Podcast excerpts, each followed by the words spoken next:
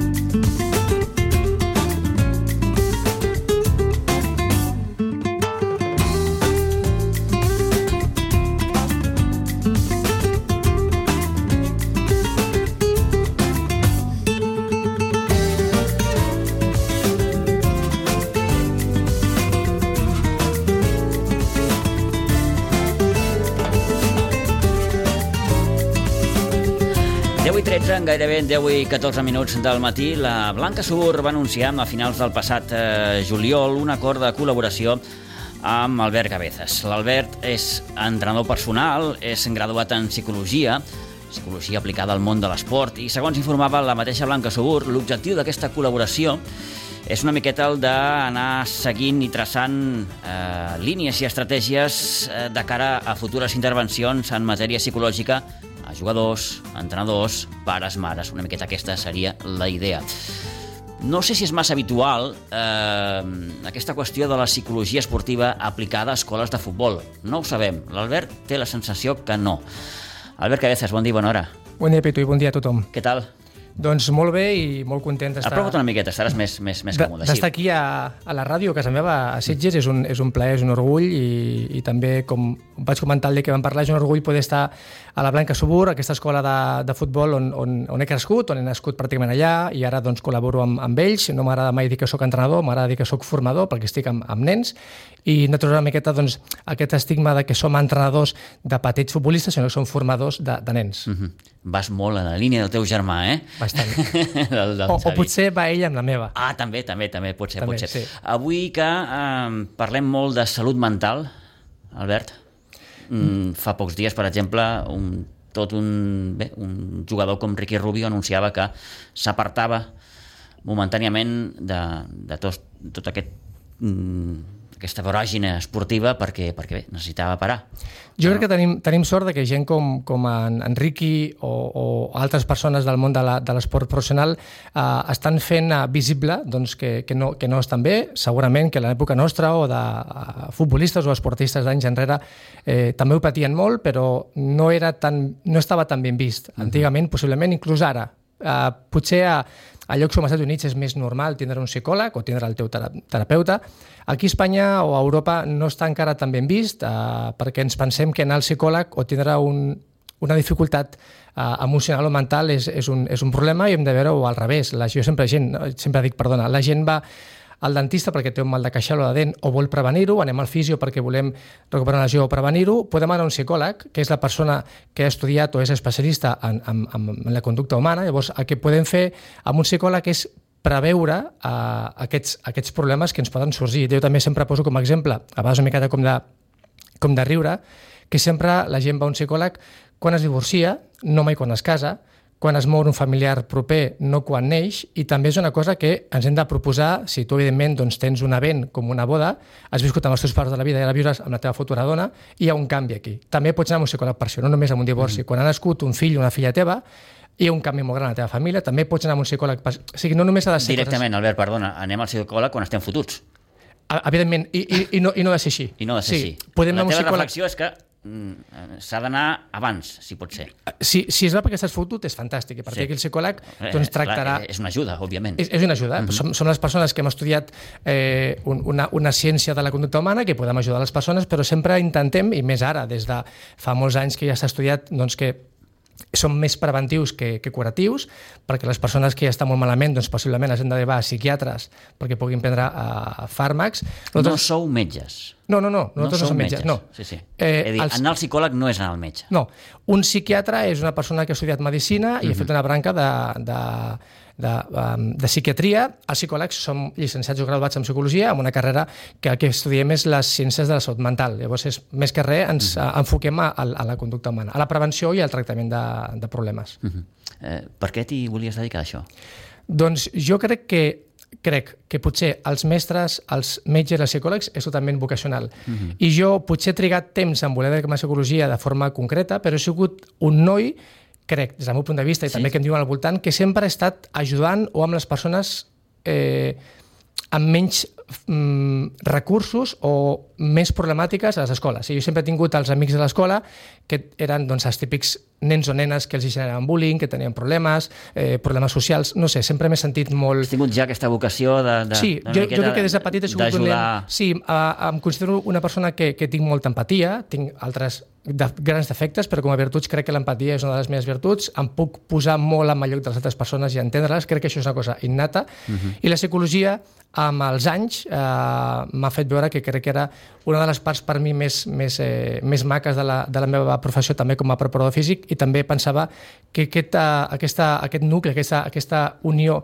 de l'activitat física amb l'activitat mental doncs podia ser molt més profitós pel meu desenvolupament a nivell mm. personal. No hi ha edat per anar al psicòleg, és a dir, el psicòleg no. pot anar un nen petit fins a un, un, sí, un senyor o sí. una senyora gran. Tot és en funció de les teves eh, necessitats. No faríem mai un tractament amb un nen de 5 o 6 anys, pel que fos, no? perquè tingui un dol familiar, una separació o problemes amb l'escola. Mm. El tractament seria molt més diferent que una persona eh, adulta.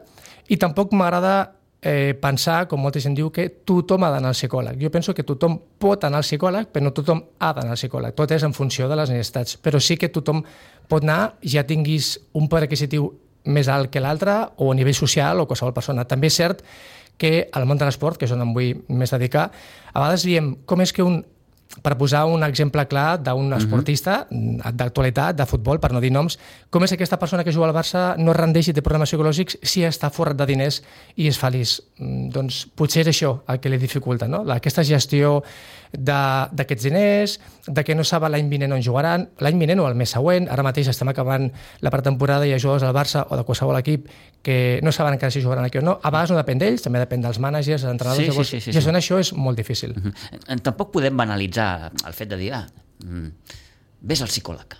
Hi ha aquella sensació de, bueno, estàs una mica fotut, va, vinga, va, ser el psicòleg que, Sí, jo, jo també crec que això és per la manca de coneixements. No? Ja. Llavors és, eh, també és cert que molta gent diu no vés a psicòleg, vés a parlar amb un amic o amiga i ho resols.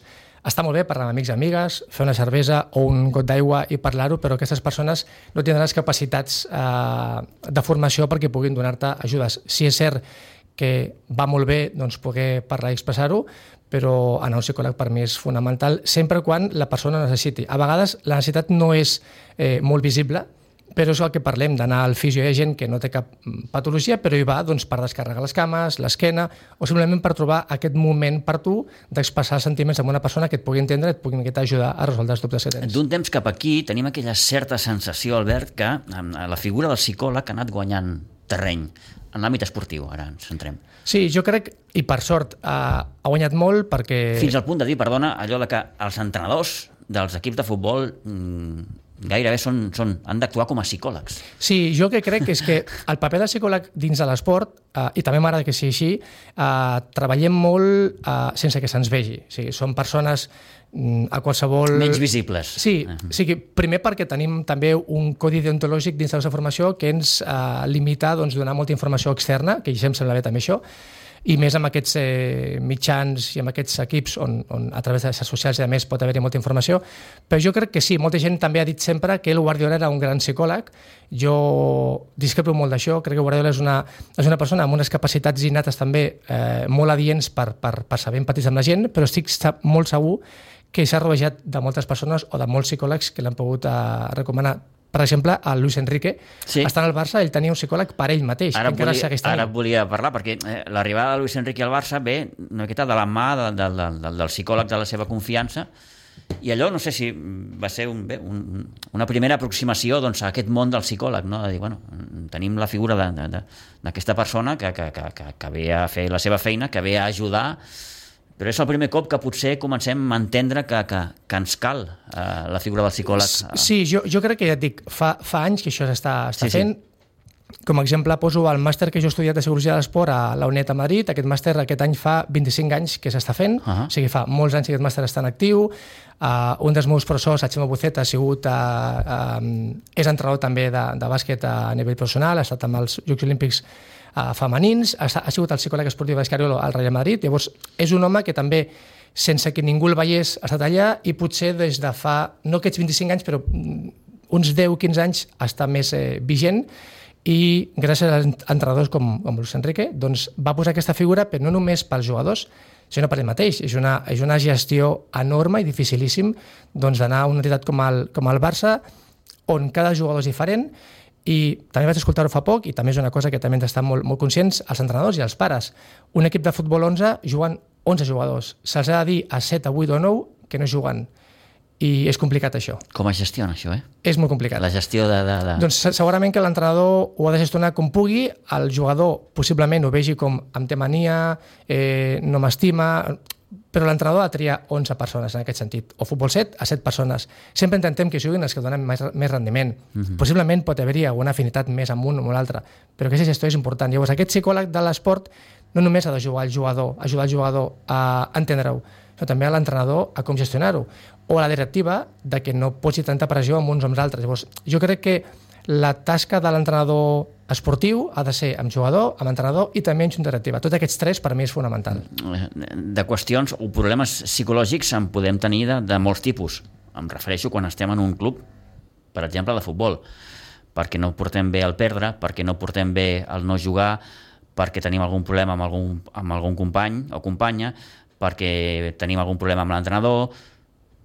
Hi ha una àmplia gamma aquí de, de, de, Sí, sí, tant. de situacions... La, les situacions són molt grans. Després, després poden haver-hi situacions excèntriques, o sigui, coses externes amb, amb ells, que poden ser doncs, problemes familiars... Ah, Exacte, que no vinguin pròpiament del, del, del, del, de l'activitat que en aquell moment estan Sí, fent. sí, o, o això mateix, no? que, que, que per molt que facis tu, ahir crec que va, va ser la nit o aquest matí llegit un missatge de Ferran Torres, a jugador del Barça, Sí. que diu que eh, si depèn de mi mateix, jo jugaré al Barça perquè faré tot el que pugui. Llavors, evidentment, ell està fent tot el que pot, això és molt important, però és el que estem parlant, no? Llavors és aquesta part, la part intrínseca, ell eh, està entrenant més, està centrant més, possiblement està anant amb una persona que l'ajudi psicològicament a centrar-se, però està la part de fora, que és l'entrenador i l'equip tècnic que confien en ell o que el seu representant mateix doncs, no li busqui un altre equip per, per anar. O sigui, gestionar això és complicat, ja et dic. No només és l'entrenador, és també el representant, és el president, és tot l'entorn i jo crec que també en el món de l'esport i més amb el futbol, ara les xifres mouen, són xifres realment eh, enormes en quant, a, en quant a diners, en quant a mobilitat. Possiblement això fa 20 anys no era tan gran. Llavors, gestionar això és molt difícil. Quan ja també posem pel mig els diners, la família, eh, els nens que pots tindre, el viatjar, a que tu visquis a, no sé, a, a un país estranger i els teus fills visquin aquí amb una dona, tot això és molt complicat de, de gestionar. I és curiós, no? Aquest el, el fil també del que deies fa uns moments, Albert, eh, que no pel fet de guanyar molts diners i de ser un jugador que està a l'elit del futbol europeu, mundial, això no ens assegura ni ser feliços ni ser més... Sí, jo, jo veig així. Jo sempre penso que... que Em ve al cap ara un cas com el d'Iniesta, que eh, per exemple, sí, sí. en el seu moment va manifestar problemes Sí, de Iniesta, salut mental Iniesta va estar, va estar malament, eh, ell per sort ho va i era quan el Barça ho guanyava tot. Sí, jo crec que, jo, jo crec que va ser per això. Ja. Perquè a vegades no, no sabem gestionar els èxits. A vegades sempre ens pensem que no sabem gestionar les derrotes, però tampoc els èxits. Perquè també és una cosa que això a psicologia... Allò que diuen saber perdre però saber guanyar també. Això mateix, Sí, sí, sí. I, i, i saber estar. I saber I. I tampoc a vegades som conscients de que, si ara pensem també en futbolistes actuals, eh, Lionel Messi és el número del món, o ens pensem, o creiem que és el millor jugador de la història, ara mateix és el número del món, però ell ha d'entendre que, que arribarà a ser el 2, el 3 i el número 100. I això és una gestió que la gent a vegades no, no és conscient. No? O sigui, tu ets el número 1, arribar a dalt és molt difícil, gestionar que estàs a dalt és molt difícil, però entendre que això s'acabarà a vegades és més complicat. Llavors tu, o si ho poso també en un context d'esportistes que jo també admiro molt, com a Roger Federer, el, el gran Sí. tenista suís, crec que Federer és un, no, és un noi, no sé si ho ha tractat en psicòleg o no, però l'he vist sempre una persona que amb els peus a terra i sabent que ell ha estat número 1 durant molts anys, però anava eh, lluitant doncs, amb el Rafa o amb el, o amb el Djokovic i quan no era el número 1 no el veia realment una persona que estava molt afectada amb això perquè entenia aquest rol de dir soc l'1 però puc ser el 2 i ser el 3 també està bé. I en psicologia també treballem molt de que ser el número 1 d'una cosa està molt bé, però si són molts jugadors, evidentment si som només dos, doncs si ets l'1 és el primer i el segon és el que perds. Però si som 1.000, mm. si ets el 5, el 6, el 20 o el 30, també està molt bé. Llavors també hem d'entendre que, que està molt bé això. Parlant de tennis, ara que anomenaves Roger Federer, eh, es parla sovint en el món de l'esport de, de, de, de la fortalesa mental, de que tot és molt mental. Precisament Rafa Nadal eh, se li atribueix una gran fortalesa mental. Per això ha guanyat el que ha guanyat. Més enllà de la seva condició física, eh, atlètica, digue-li com vulguis Sí, jo crec que el Rafa Nadal... Cada és... cop, eh, sí. el, el, digue el poder de la ment, no sé com, com, com dir-ho. Jo, jo crec que... Jo crec això, perquè... és molt, man- això és molt mental, vull dir... Bueno, això són frases que es diuen Sí. potser sense molts coneixements. Ja. Ja. Jo crec que el Rafa Nadal, crec que potser ha nascut també amb unes capacitats innates de que té un control de les seves emocions molt gran. Segurament, estic seguríssim que ho ha treballat molt o està treballant molt, com altres eh, esportistes d'èlit. Eh, ja et dic, eh, hi ha gent que neix amb condicions innates físiques, eh, més forts que altres, més alts, eh, més, eh, més fibrats, però Sí. hi ha persones que neixen... Potser el Rafa ve d'una família que han treballat molt també a, a aquesta part i, com et dic, potser sense eh, expressar-ho ni ensenyar-ho, és un jugador doncs, que sí que eh, prioritza aquesta força mental o física per sobre altres qualitats que pot tenir altres jugadors, però ja et dic, eh, si ets un esportista d'elit o no, si ets només un esportista, i ara ho estem tirant a la branca de l'esport, Sí, sí. amb el dia a dia també es pot fer igual, um, hem de treballar molt aquestes, eh, aquestes parts, sigui la gestió de les emocions, la tolerància a la frustració, la tolerància a la derrota, també el, el saber guanyar, no? O sigui, sa- saber guanyar no, no és fàcil. Guanyar està bé, però a vegades inclús amb nens petits estem veient a, a tornejos de futbol que nens de 10-11 anys guanyen un torneig i es tornen bojos als entrenadors, com, com si fos a final de la Champions. I això que estem fent és que els nens nostres vegin aquesta efusivitat, però els altres estan veient que, que potser estem rient una miqueta mm. d'ells. Llavors hem d'entendre una miqueta que... Eh, Gestionar l'èxit, no?, també. Sí, ja et dic... Eh, L'altre dia, mm, bueno, fa ja un temps, veia, crec que a través de, de, de Twitter, algú que deia, eh, si us plau, voleu parar de penjar imatges d'equips de, de, de, de nens, allò al vestidor, després d'haver guanyat un partit, no sé què, vull dir, com si haguessin guanyat, que està molt bé, Sí, està molt però, bé. però, però, però, mm, Està molt bé pels, pels nens. Ells ho poden fer. O sigui, jo estic ara a la Blanca Subur amb, amb una colla de, de nens molt macos, petitets, i no fa gaire doncs, vam anar a un torneig i jo vull que ells expressin els seus sentiments també positius, no? Llavors, si guanyen un partit o fan un gol, eh, m'agrada que ho celebrin, però que ho celebrin ells. Mm. Un cop ho celebren, jo parlo amb ells i potser si hi ha un excés d'efusivitat, els hi demano doncs, que no hi hagi tant que excés baixi el suflé. o que si ho fan, ho facin al vestuari on no hi vegi, no ho vegin els altres. Són nens petitets. Mm -hmm. Encara que tinguin 10 o 15 anys, potser amb aquestes edats és més complicat la, la gestió perquè som més conscients de, de que tenim. Però, com dius tu, no? aquests entrenadors que salten a camp, que celebren com si fos... No sé, a mi no em sembla més correcte. Evidentment, doncs són moments on les emocions surten a, a, estan a, a flor de pell, però hem de ser conscients de que estem treballant amb, amb, amb nens i el que prima és l'educació d'ells. Clar, per tant, eh, qüestions que hem abordat sovint amb, amb, amb, amb el teu germà, amb el Xavi, és importantíssima la, la figura de, de l'entrenador o del formador, digue-li com vulguis. Sí, jo crec que sí. Jo crec Comencem que... per aquí, perquè si no... Jo, jo crec que Després ja anem a parar a altres estadis, no? com és eh, eh, la figura dels pares, que també és, aquest és un altre... Sí, aquest és un camp molt, molt complicat. És un jo, camp i jo, com a, jo com a pare també puc dir que és complicat, Sí. però sí que és cert que això que parles de, del, del meu germà, del, del Xavi, uh, el que estem intentant a, a la Blanca és, jo crec que és una cosa molt, molt bàsica, però has de, has de voler, és intentar doncs, tindre um, aquests, aquests pensaments d'intentar generar doncs, un, un bon ambient amb els, amb els nens. Ja et dic, som, som formadors i som uns privilegiats de poder estar amb els, amb els nens. Hem d'ensenyar-li uns valors que dins de l'esport doncs, ens poden ajudar a, a que en un futur doncs, tinguem aquests valors aplicables amb el dia a dia, a anar a entrenar més que res, perquè si tu entrenes, ets una persona eh, continuada i, cons, i, i constant amb el temps, ho pots fer amb la teva feina, amb els estudis, a casa. Jo sóc també partidari de que si un nen, doncs, perquè ha d'estudiar o perquè té un viatge, no va jugar un partit, ho ha de fer. O sigui, estem parlant de nens petits, que no fa falta que estiguin sempre jugant, i a vegades els entrenadors o els pares estem massa a sobre. Els entrenadors també, per sort, Pitu, estem o estan cada cop també més formats, que també és important. Sí. Antigament, doncs, treballaves a qualsevol lloc i anaves a entrar en aquest de futbol perquè t'agradava, tenies passió per això, però no hi havia una formació. Tampoc demanen que hi hagi psicòlegs o llicenciats en, en activitat física o pedagogs, però sí és cert que les persones que estan entrant amb nens o amb, o amb nens més grans o, o amb juvenils eh, han de fer alguna formació doncs, per, per saber gestionar això. Ja no només amb els nens, sinó amb els pares i amb ells mateixos. Que difícil ha de ser generar un bon ambient en la derrota. és molt complicat, però per mi és el principal que s'ha de treballar. O sigui, jo crec que quan una persona agafa un equip de futbol, el primer que ha d'ensenyar amb aquests nens o nois o adults és gestionar la derrota. Perquè una de les grans teories del món de l'esport és que perds més que guanyes. Sí, I a partir d'aquí... Sí, i que, i que també hem d'entendre que eh, amb el Com, futbol... com eduques en, en, en, en la derrota, no? Jo, jo, jo crec que tot, tot comença... A, jo sempre també dic que els típics missatges d'abans de començar un partit, de, de, aquests missatges motivacionals, que també ha fet molt de mal aquest vídeo de Guardiola, de la Champions, de Gladiator, que a mi em va encantar aquest vídeo, però tothom es pensa que s'ha de fer això.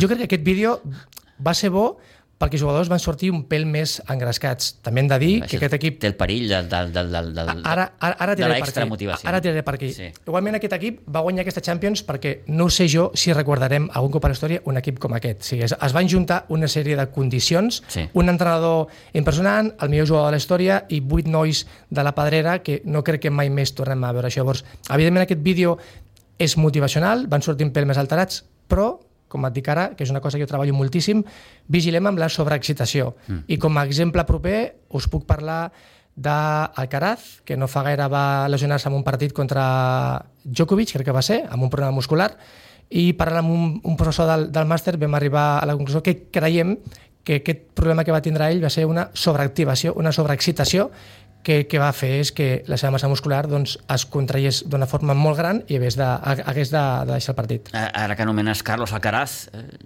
sovint, ara que el veus i guanya i... Jo penso, ostres, aquest nano, que com aquell que diu fa quatre dies estava... Sí, jugant a tennis, però no als nivells que està ara, com, com, com ha de saber gestionar tot això, tot aquest èxit aquesta qüestió de, de que l'èxit t'arriba com De cop. Sí.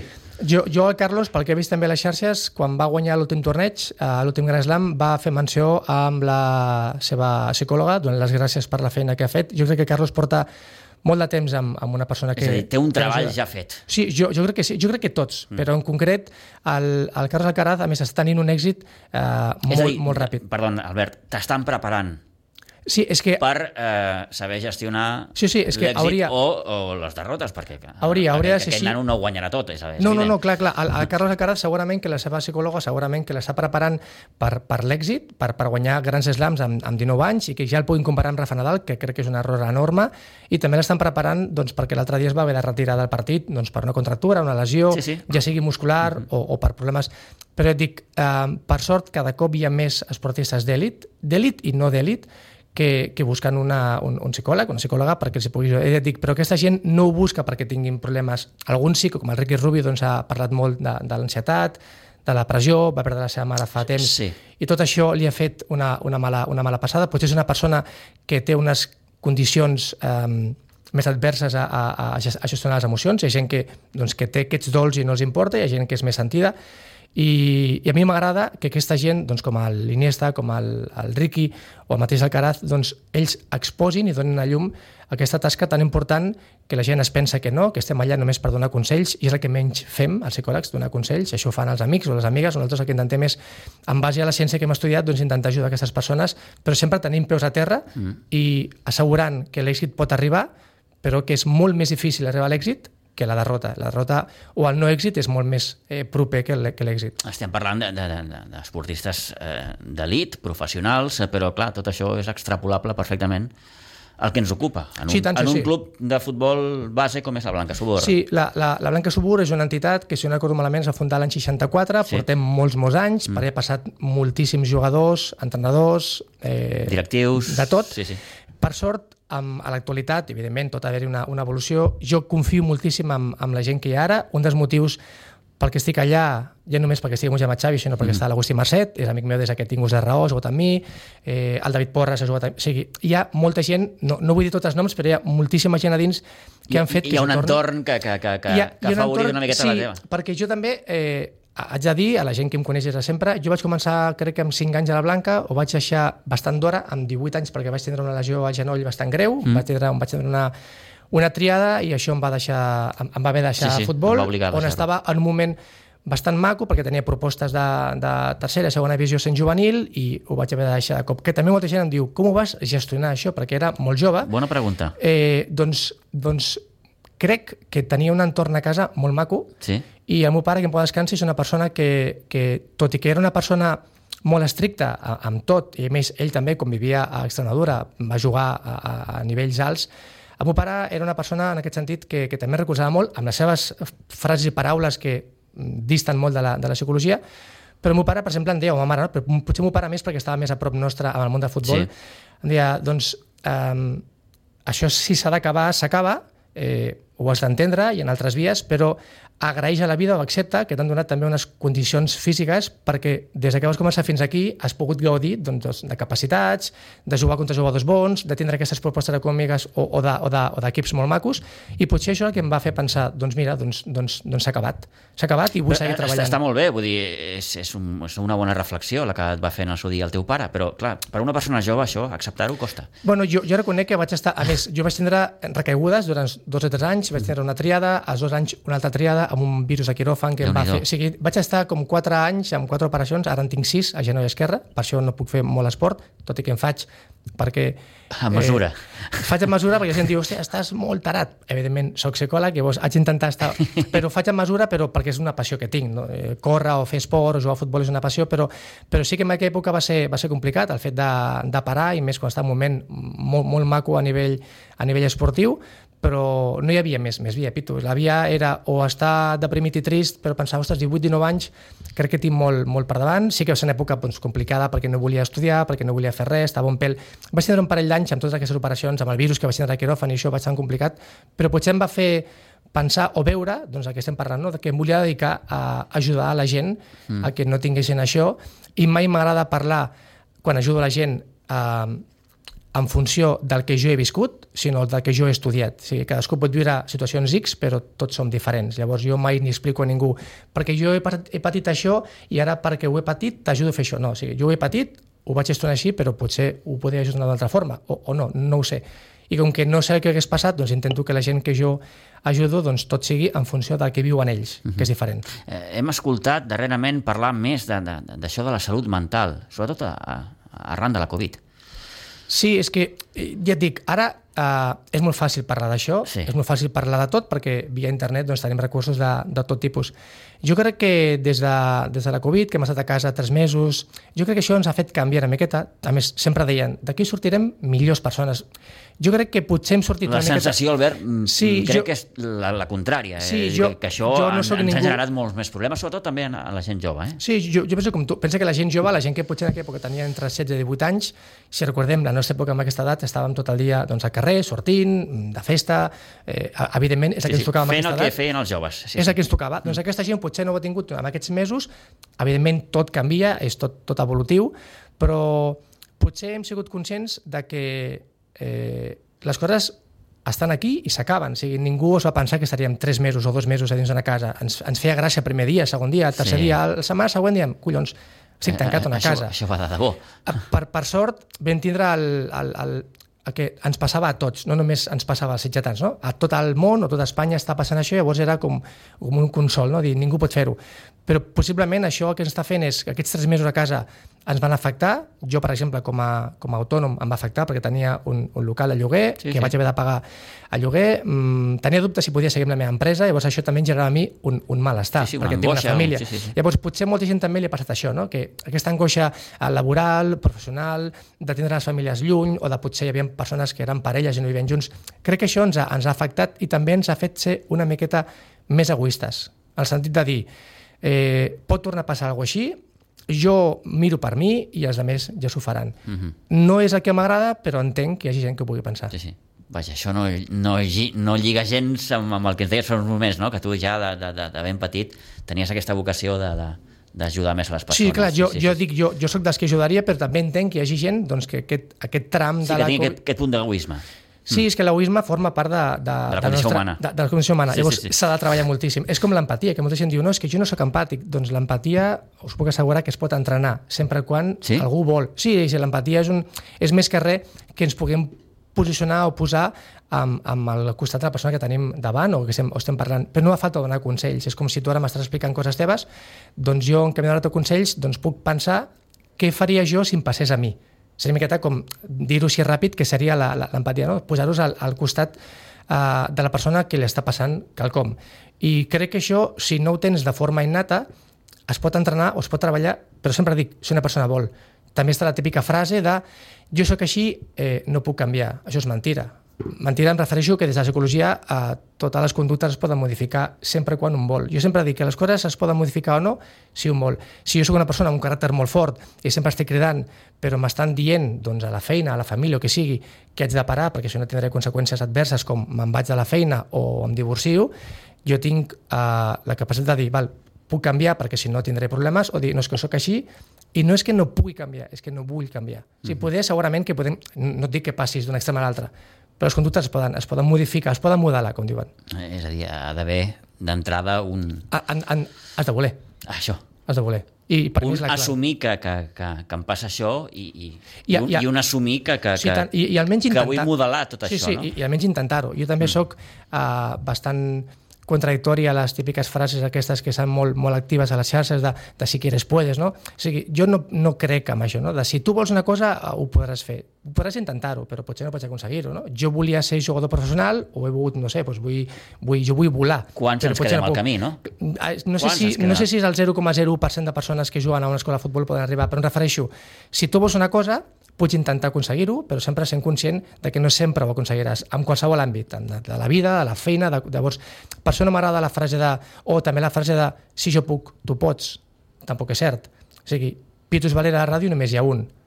Molta gent vol treballar a la ràdio, però no tot pot aconseguir-ho, per, per diferents qüestions. Sí, sí. Llavors, potser això de si jo puc, tu pots, o si tu somies ho aconseguiràs, ens generen molta més pressió del que podem tindre. I això possiblement és una de les causes de que la gent es frustri molt més quan no arriben. Uh -huh. I gent de la parella del Barça segurament que estan pensant, doncs si Iniestas, Xavis, César Robertos, companyies ho han fet, jo també, però és que no tothom pot. Uh -huh. Hi ha moltes coses, moltíssimes externes i internes, que ens eviten o que ens faciliten.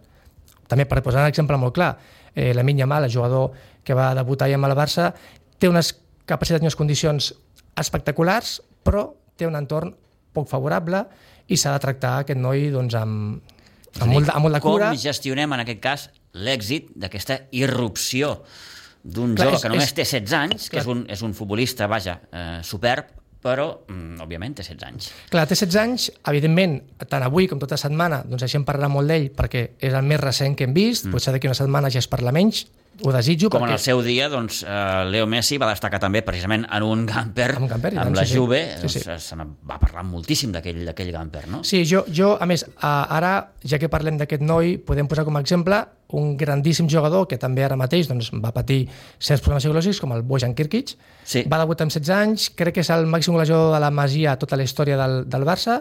Va debutar molt jove, era un noi que semblava que anés, es, es, anava, a menjar el món, i no recordo si va ser la primera Eurocopa que va guanyar Espanya amb Luis Aragonès, o el del Bosque, una de les dues, ell va decidir no anar a l'Eurocopa per problemes de salut mental. Uh -huh.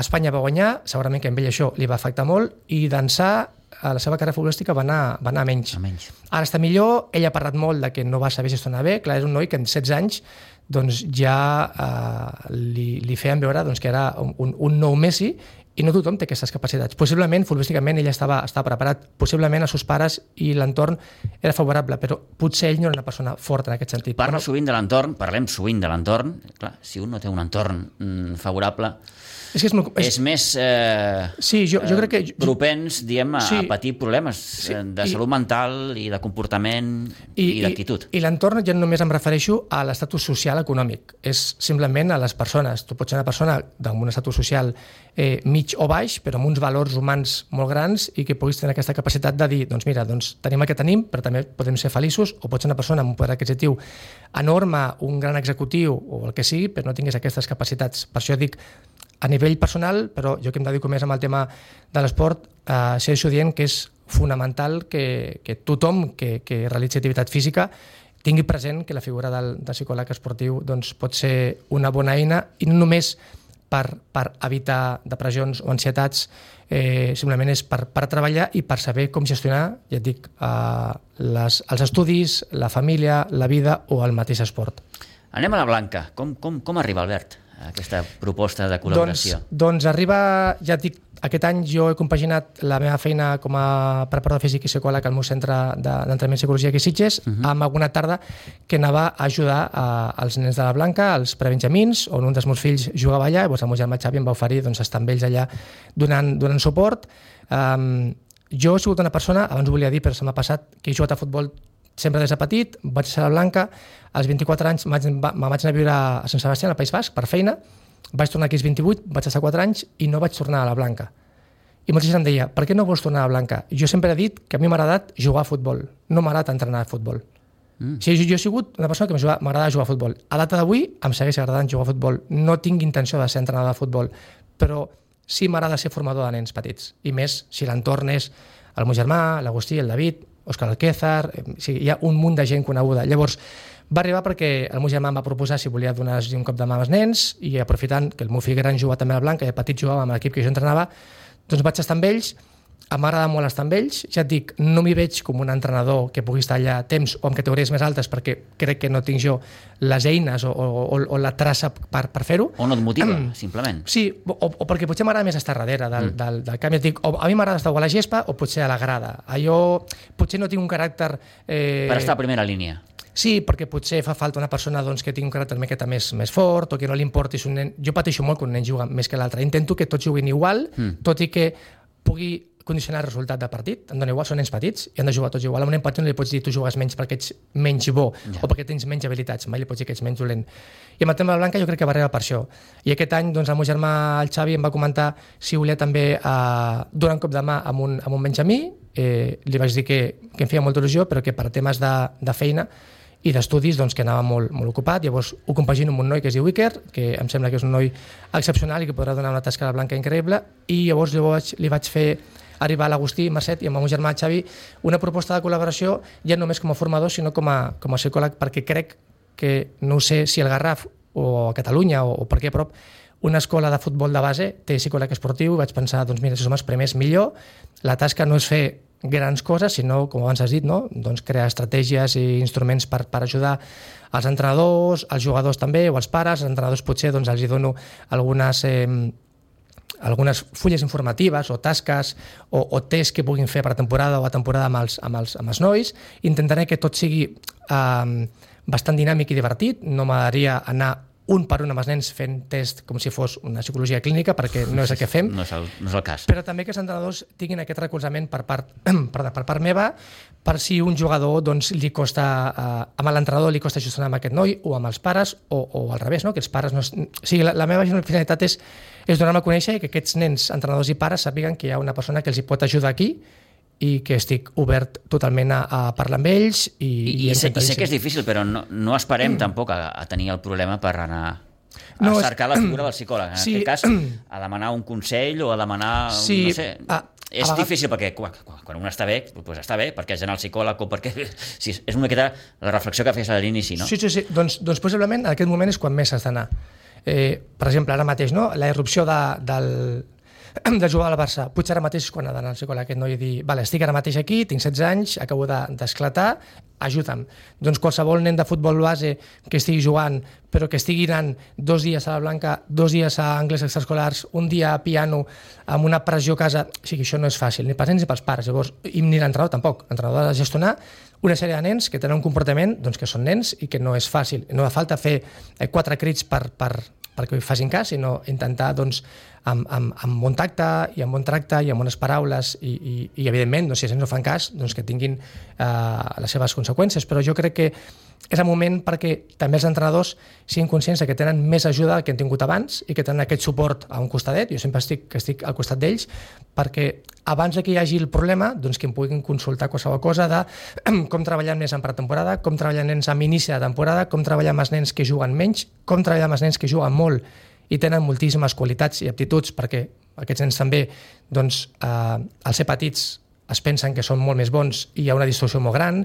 Molts equips venen de fora i parlen amb els pares, encara que siguin equips d'aquí al voltant, el mateix Gavà, no? Sí, Gavà, sí. Viladecans, qualsevol equip que no és un Barça o un Espanyol amb el que segurament no t'ho penses si et porta el teu fill, hem de ser conscients de que eh, Sistema la Blanca Subur, un equip d'aquests, eh, és perquè tenim unes mancances eh, tècniques o, o físiques i si ens ve un equip d'aquests doncs també hem de tindre mm, cura i potser en aquests moments és quan de parlar amb el psicòleg perquè jo els pugui fer entendre amb ells la situació i què és el que pot ser millor pels, pels nens. No, no vol dir que jo els doni eh, la, la, la va, va, veritat concreta. Sí, sí, la pòcima no? màgica. Eh? Però sí que poden consultar amb mi i mitjançant la psicologia o, o el coaching aplicat a la psicologia, que és una, una eina dins de la psicologia, doncs que aquestes persones doncs, puguin eh, saber gestionar millor doncs, aquestes emocions. Són molts nens, són molts pares, cada pare i cada nen és diferent i jo crec que eh, jo estic amb molta il·lusió, Pitu, d'estar allà, dic que és, és, és una cosa molt maca, jo tractar amb nens és una cosa que crec que, que des que tinc ús de raó m'ha agradat moltíssim.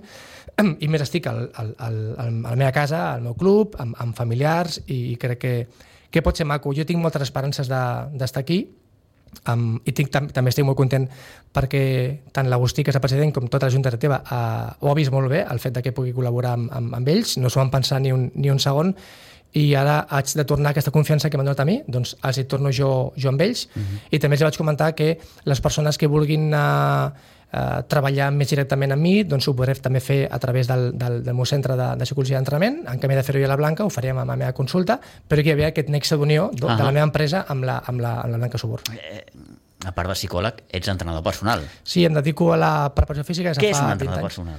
És una fase molt típica. Aquesta. Sí, ho dic perquè... I, i, I moltes vegades la gent em diu que no fa falta entrenar personal, perquè també s'ha vist la figura doncs, uh, de, de el personal shopper. O sigui, un entrenador personal és bàsicament un preparador físic que en canvi de tractar amb un grup de persones, tracta amb una persona.